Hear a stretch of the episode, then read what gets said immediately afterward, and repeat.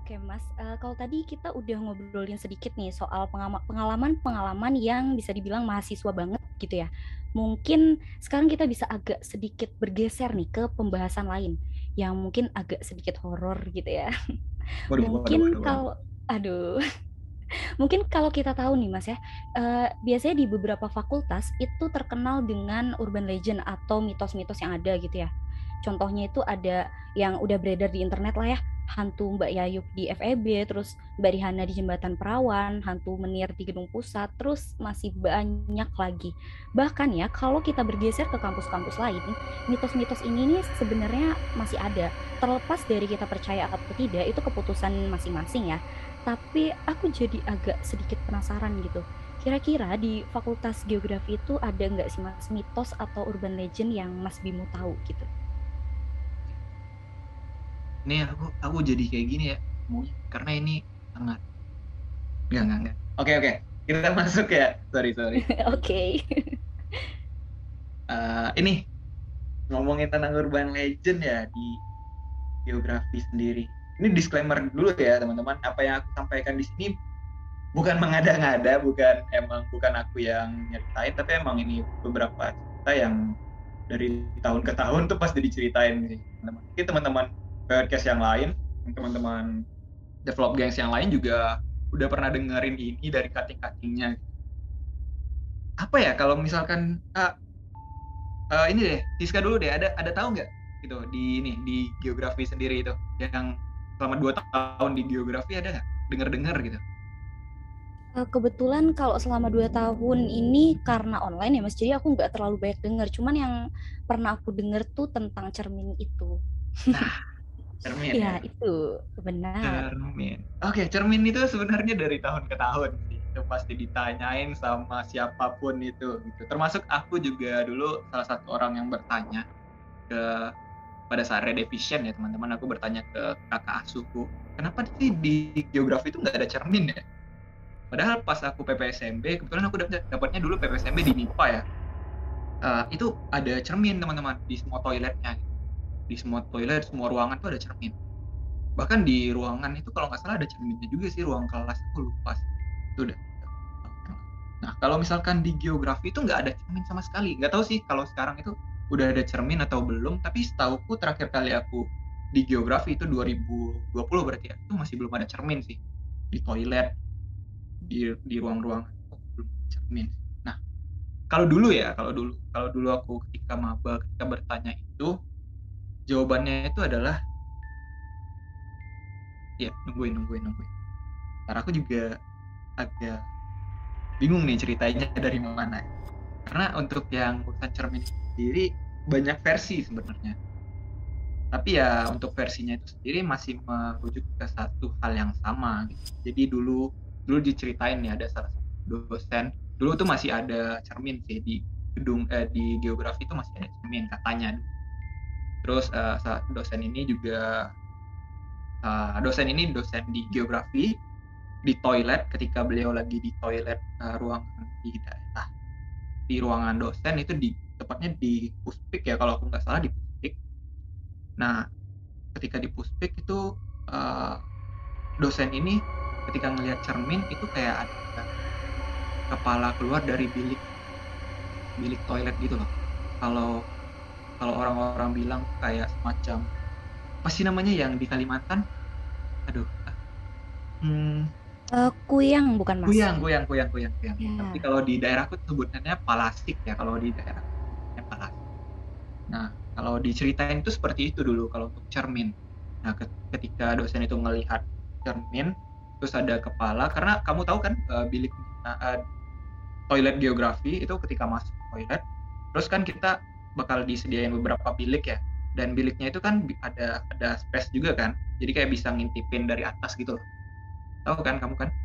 Mungkin teman-teman develop game semua yang udah pernah geografi juga tahu uh, bentukan bilik-bilik di uh, bentukan toilet-toilet geografi siapa jadi kayak ketika bercermin dosennya bercermin tahu-tahu ada yang nongol di kepala gitu. Kepala doang yang nongol melayang.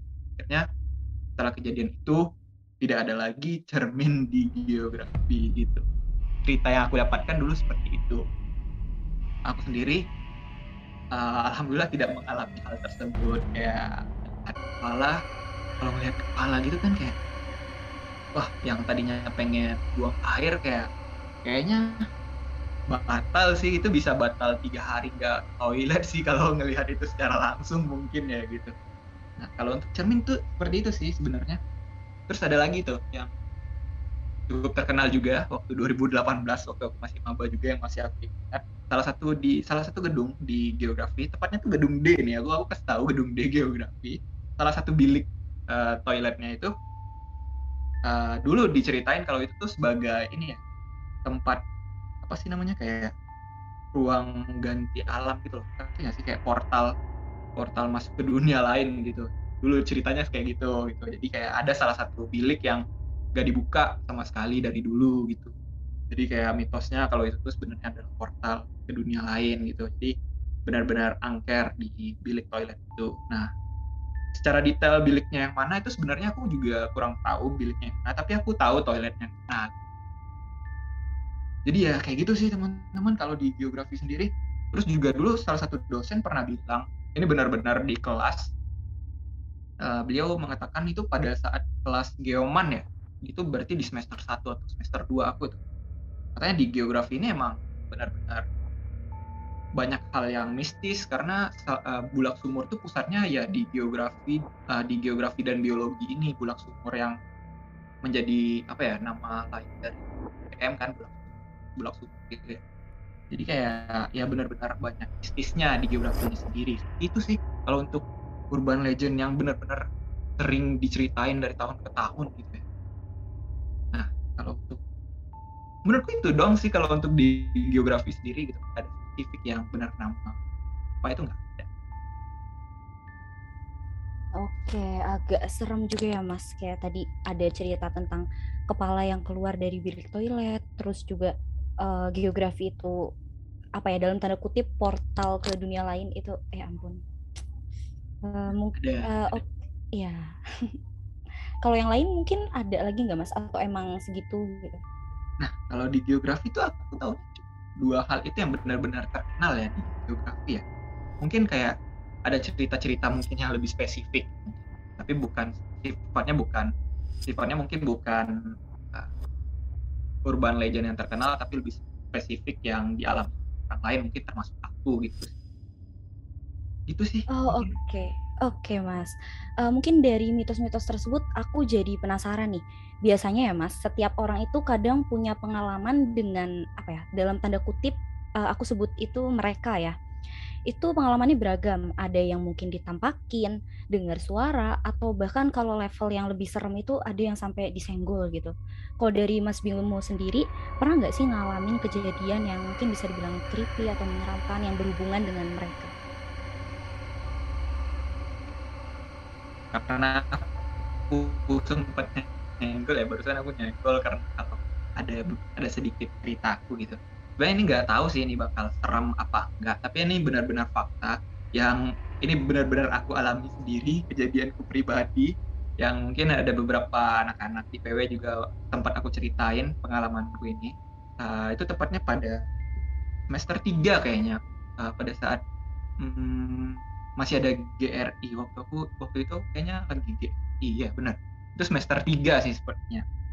Nah ini aku langsung masuk ke ceritaku aja ya. Cerita pertama yang benar-benar menjadi rentetan kejadian dalam seminggu gitu. Seminggu aku alami berturut-turut benar-benar kayak ah anjir kayaknya aku sial nih dalam minggu ini gitu.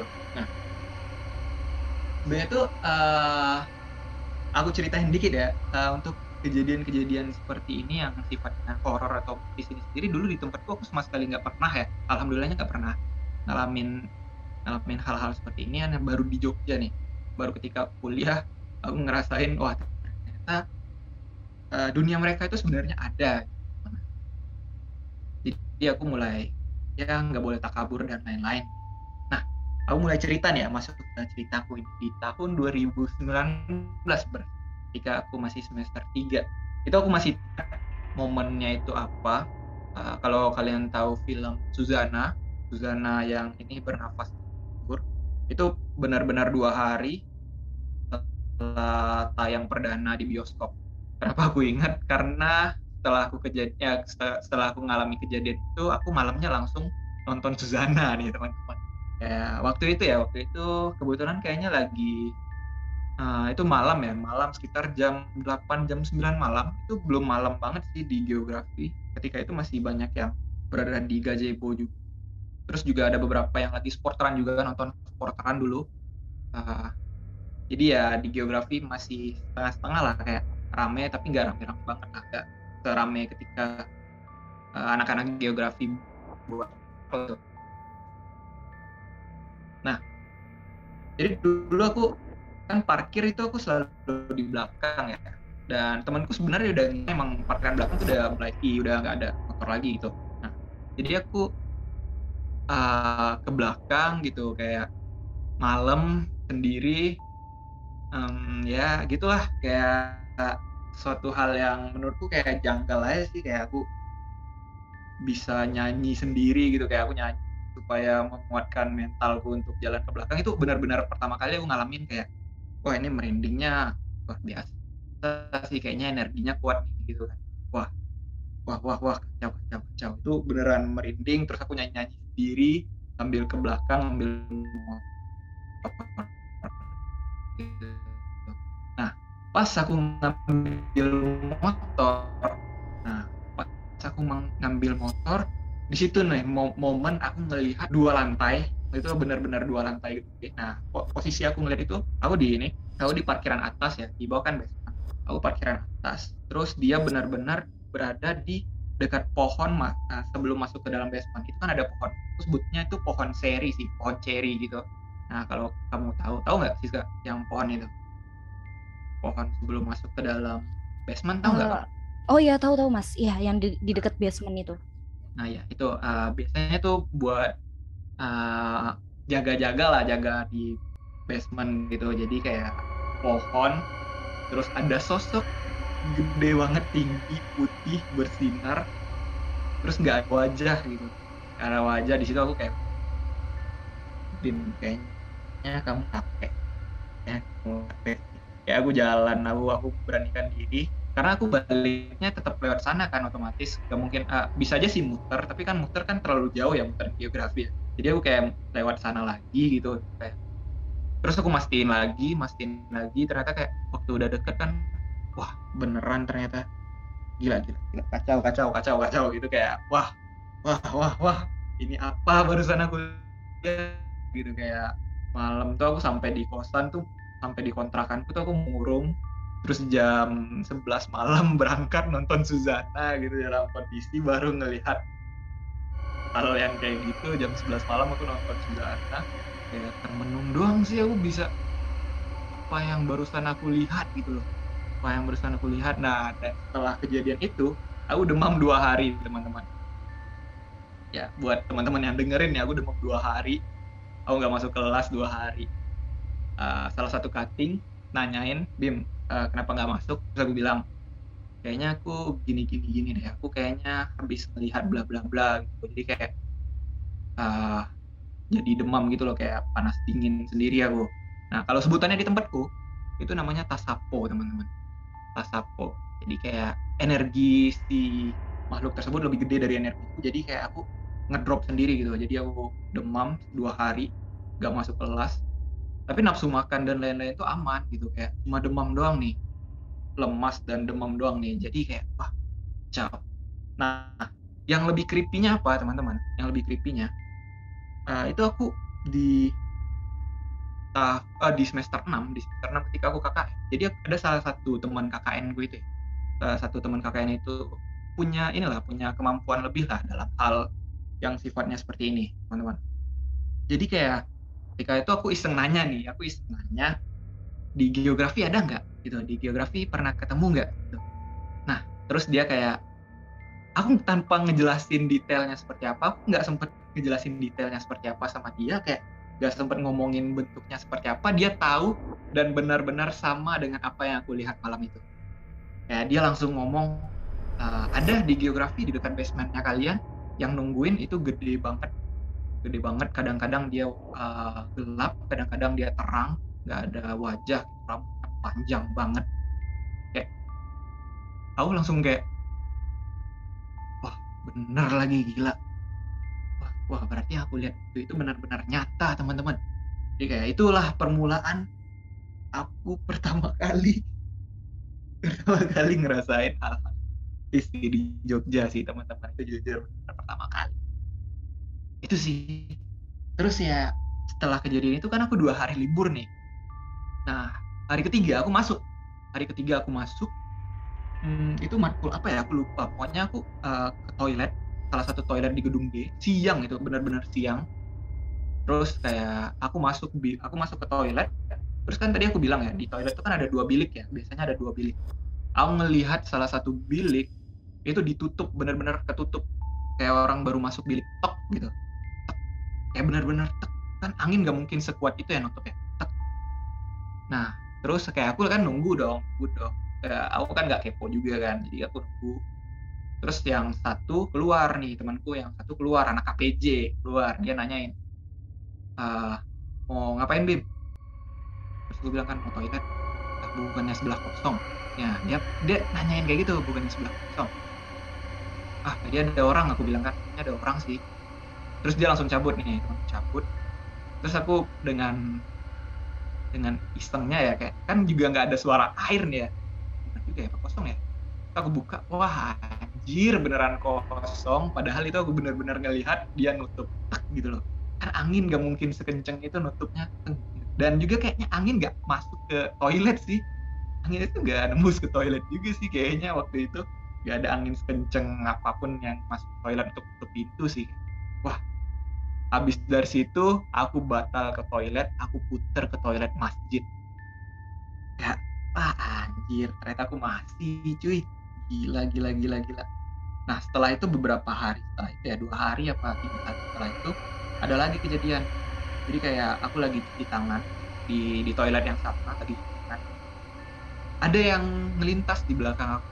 Uh, kayak kan kita kan bisa ngelihat dari ujung-ujung mata kita nih ada yang tas lain-lain gitu kan ada. Kan itu benar-benar jelas ya. Nah si sosok ini kayak masuk gitu. Masuk dari toilet eh, masuk dari pintu luar masuk terus lewatin belakang aku terus aku ngelihat juga dia kayak masuk ke dalam daerah bilik gitu. Nah aku pikir kayak benar-benar orang gitu. Terus aku kepo lagi aku cekin kedua biliknya ternyata kosong. Jadi kayak ada ternyata aku seminggu itu benar full gitu. Kayak wah aku nggak bisa bernafas lega sih kalau kata lagu-lagu ya. Nafas lega tuh aku nggak bisa sih waktu itu. Benar-benar ada kayaknya aku dua minggu tuh pasti di toilet masjid sampai teman-temanku tuh nanyain dia kenapa di toilet masjid? Punya toilet kita ada gitu. Dengan aku alasannya ya toilet masjid ada sabun gitu kayak. Aku selalu alasan kayak gitu gitu. Padahal tuh benar-benar beberapa beberapa hari itu aku benar-benar digangguin. Nggak tahu sih itu digangguin atau apa tapi benar-benar aku dikasih kesempatan untuk melihat kalau misalkan makhluk-makhluk seperti itu sebenarnya ada. Nah gitu sih sebenarnya kalau untuk kejadian pribadi aku ya. Mungkin yang lain kayak lift kebuka sendiri ketutup sendiri kalau malam itu ya wajar bukan wajar sih kayak beberapa kali. Ya misalkan kami aku lagi duduk-duduk di selasar bareng tiba-tiba ini udah jam kayak udah habis maghrib gitu kita gedung kan udah di clear ya udah clear area gitu kayak nggak ada lagi orang di dalam gedung udah dikunciin semua. Tiba-tiba kayak uh, ini lift lift turun sendiri gitu kebuka sendiri itu beberapa kali sering. Jadi itu bukan kalau untuk lift kayaknya bukan hal yang ya hal biasa lah. Mungkin buat teman-teman yang baru mungkin nanti agak kaget sih terjadi. Ya gitu sih kalau untuk pribadiku kayaknya nggak terlalu seram. Tapi mungkin yang membuat seram itu ketika temanku berhasil menebak dengan benar tanpa aku masih tahu sosoknya seperti apa itu yang buat aku benar-benar wow ternyata kejadian itu nyata gitu sih teman-teman develop gengs yang dengerin ya anak-anak geografi calon anak-anak geografi juga harus tahu hal-hal tersebut teman-teman. Bukan untuk menakut-nakuti tapi ini benar kalau Siska gimana sih Aduh Mas, itu beneran serem banget sih aku denger ceritanya. Kayak sekali ngeliatnya itu kan sekali tapi efeknya itu sampai satu mingguan gitu. Eh nggak bisa ngebayangin aku kalau jadi Mas Bimo ya ampun. Tapi uh, mungkin aku agak sedikit penasaran nih Mas. Tadi kan Mas Bimo cerita katanya sempat demam selama dua hari. Nah itu hmm. pas tidur kayak mimpi sesuatu atau gimana gitu enggak sih mas? Soalnya biasanya kan kadang ada aja yang mereka uh, abis diliatin terus sakit pas sakit itu tidurnya jadi nggak nyenyak dimimpiin yang aneh-aneh gitu gitu kalau Mas Bimo gimana? Kalau aku sebenarnya aman ya karena emang aku kan uh, kebetulan aku emang ngontrak bareng aku jadi benar-benar kontrakan tuh rame gitu. kadang-kadang teman-temanku juga bawa teman-temannya jadi bisa bisa benar-benar rame dan alhamdulillahnya tuh aman-aman aja sih kalau untuk aku tidur tapi ini mungkin ada sedikit cerita juga nih di kontrakanku yang unik nih teman-teman ya aku sebutnya ini. Boleh diceritain nggak kalau untuk kontrakanku sendiri ya? Kita agak melebar nih. Boleh boleh mas boleh. Agak melebar. Pasti developnya juga uh, mau didengerin yang serem-serem gitu kan ya? Iya.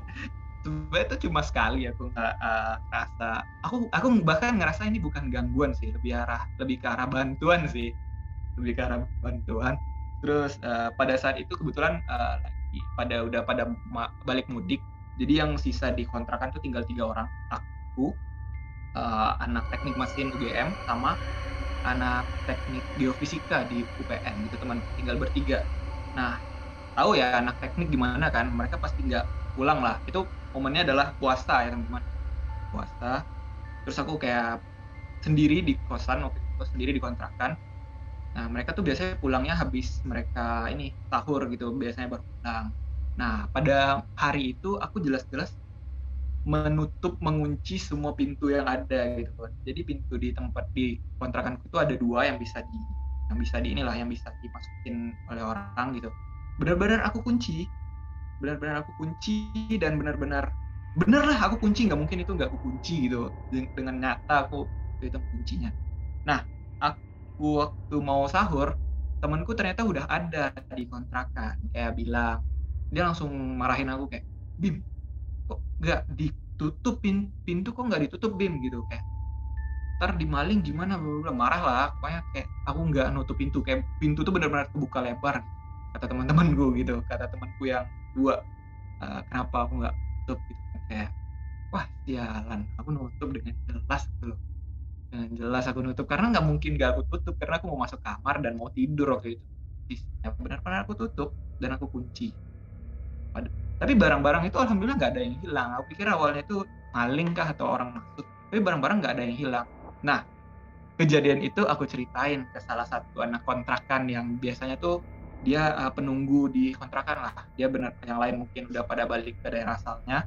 Dia sendiri tetap stay di Jogja gitu dia sendiri doang. Nah aku ceritain itu aku aku baru bilang kayak gini nih eh kayaknya aku diganggu deh gitu aku baru bilang kayak gitu dan mas ini langsung bilang kayak gini. Apa uh, kejadian apa? Nenek-nenek masak kah? Atau uh, atau pintu kebuka kah? Atau kamu dibangunin kah? Gitu kayak wah anjir anjir anjir aku belum sempat ngomong aku belum kayak belum jelasin aku lain. Oh tapi dia bisa nebak salah satunya gitu. Kan tadi kan uh, pintu kebuka ya pintu kebuka. Nah aku bilang oh iya pintu kebuka pasti aku diganggunya. Nah itu bukan diganggu bim. Itu kamu dibangunin buat sahur. Anggap aja kayak gitu. Jadi kamu dibangunin dia buat sahur oh sahur woy. jadi dibukain pintu gitu kayak wah anjir. Dan dia ternyata pernah ngelihat nenek-nenek masak di dapur kami gitu loh. Gimana caranya gitu kayak wah tahu sih. Ya gitu sih kalau untuk kejadian-kejadian ya yang baru pertama kali aku alami seumur hidupku Ya ampun itu serem banget sih mas. Dibanguninnya tuh bukan sama temen atau mungkin uh, kalau develop games ada ayang atau siapa pun yang bangunin sahur. Ini dibanguninnya sama hantu loh. ya ampun. serem banget. ya gitu sih. Ya, itu kayak kita bisa bisa beranggapan bahwasannya ternyata emang ada dunia mereka tuh memang nyata. Kayak gitu. Kalau aku berpikirnya kayak gitu. Ya, iya, gitu. bener banget sih mas. Oke, ini kita udah beberapa menit nih ngobrol-ngobrol bareng Mas Bimo. Tadi di awal itu kan kita udah ngobrolin tentang perkuliahan, transisi transisi daring, luring, terus tadi uh, kita juga bisa ngobrolin tentang cerita-cerita horor gitu. Uh, dari Mas Bimo sendiri mungkin ada saran, kesimpulan atau apa gitu yang ingin disampaikan ke Develop Games?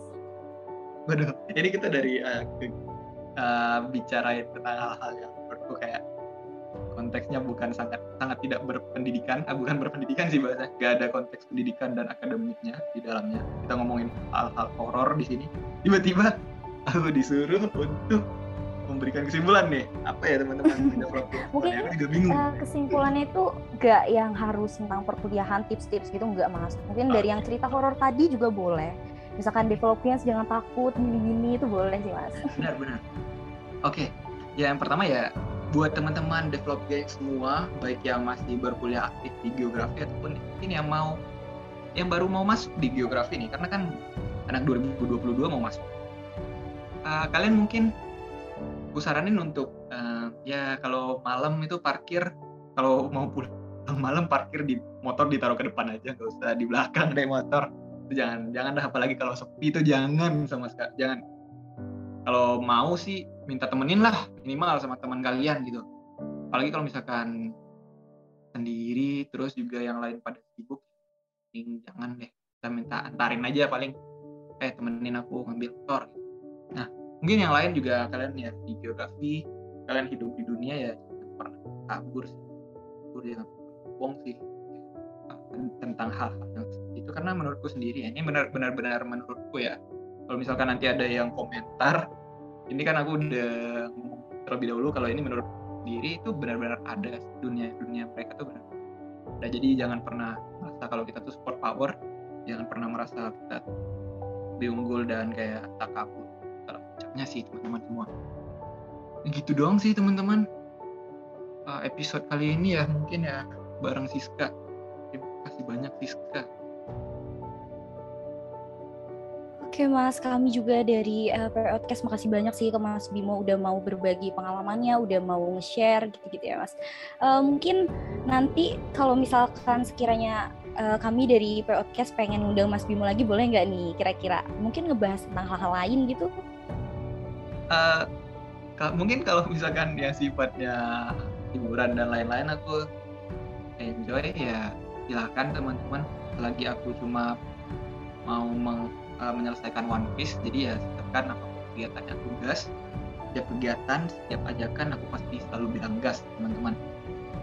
Jadi oh ya oh ya buat mungkin boleh nggak sih Siska kalau misalkan teman-teman di geografi yang lain mau itu anak EW mau itu anak KPJ mau itu anak GEL atau mungkin akademik orang akademik orang kantornya geografi mau uh, ikutan ngobrol tentang keseruan hal-hal horor dan lain-lain di geografi mungkin boleh nggak sih kita undang juga di podcast Aduh boleh banget dong mas itu siapa pun yang mau cerita yang mau ngisi di podcast itu boleh banget Oke. Okay. gabung sama kita Oke okay, mungkin ini uh, kalau misalkan Pak Cip menonton uh, atau mendengarkan podcast ini siapa tahu Pak Cip punya cerita tentang hal-hal unik di geografi atau hal-hal horor di geografi atau bapak-bapak lainnya atau ibu-ibu lainnya mungkin gaskan kita buat PW Podcast ini bukan cuma buat mahasiswa tapi buat semua masyarakat geografi dan juga mahasiswa di Universitas Gajah Mada masyarakat GM gitu.